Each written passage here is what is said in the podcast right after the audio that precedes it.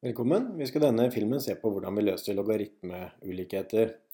Og måten vi gjør det på er ganske lik eh, slik vi løser vanlige ulikheter, men det er et par ting vi må se litt nøye på. Her har vi tegna en graf, og den grafen her, det er g av x er lik lgx. Så vi har egentlig bare plottet logaritmefunksjonen. Det vi kan se her sånn, er at den vi kan ikke ta logaritmen til noe som er mindre enn 0, men den, på verdier som er da mellom 0 og 1, så er den negativ, har negativ funksjonsverdi, og for verdier høyere enn 1, så er den en positiv funksjonsverdi. Så ser vi at den øker hele veien. Vi ser også at eh, hvis vi tar eh, to tall, f.eks. Eh, 10, og 2, så ser vi at kan vi kalle 10 for A og 2 for B, så ser vi at eh, A den er jo større enn B. Vi ser også at eh, da har vi at eh, logaritmen til A den er også større enn logaritmen til B, siden den stiger hele veien. Og så må vi da være obs på at når vi da har, tar logaritmen til tall mellom 0 og 1, så, så er den negativ. La oss ta et eh, eksempel. Vi skal løse logaritmeulikheten 2 ganget med 3 opphøyd i x, og så skal vi se når dette her er større enn 3 ganget med 4 opphøyd i x. Da bruker vi de vanlige logaritmereglene. Vi kan ta logar logaritme på begge sider av ulikhetstegnet, slik at vi får logaritmen til 2 ganget med 3 opphøyd i x. Og så ser vi når dette her da er større enn logaritmen til 3 ganget med 4 opphøyd i x. Og så kan vi eh, forenkle det litt.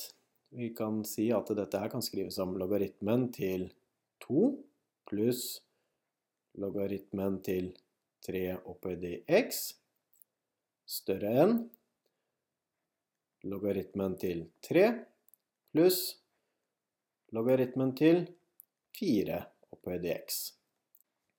Så kan vi forenkle enda mer. Skal vi se, vi har logaritmen til 2, den gjør vi ikke noe med. Her kan vi få ned eksponenten. Vi skriver om slik at dette blir 3. Unnskyld. Så kan vi forenkle enda litt.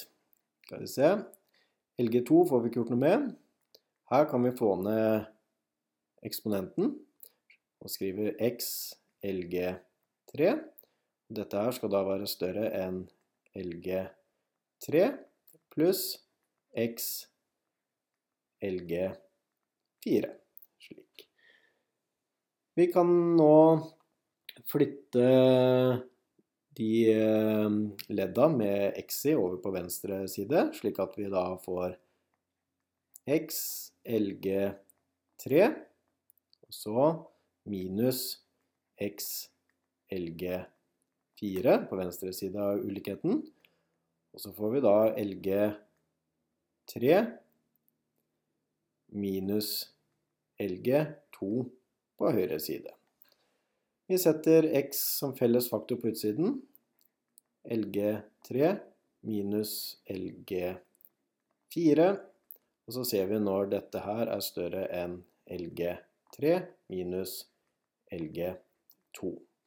Og nå må vi begynne å være litt forsiktige, fordi hvis vi ser på den parentesen her, kan skrive den på sida her, altså LG3 minus LG4, så er det eh, mindre enn null. Det kan vi jo se av, av grafen her.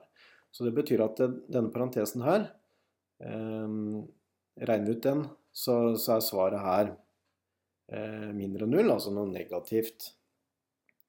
Og Det betyr at eh, hvis jeg nå skal dele på begge sider med LG3 minus LG4, så er jeg nødt til å snu ulikheten, ulikhetstegnet.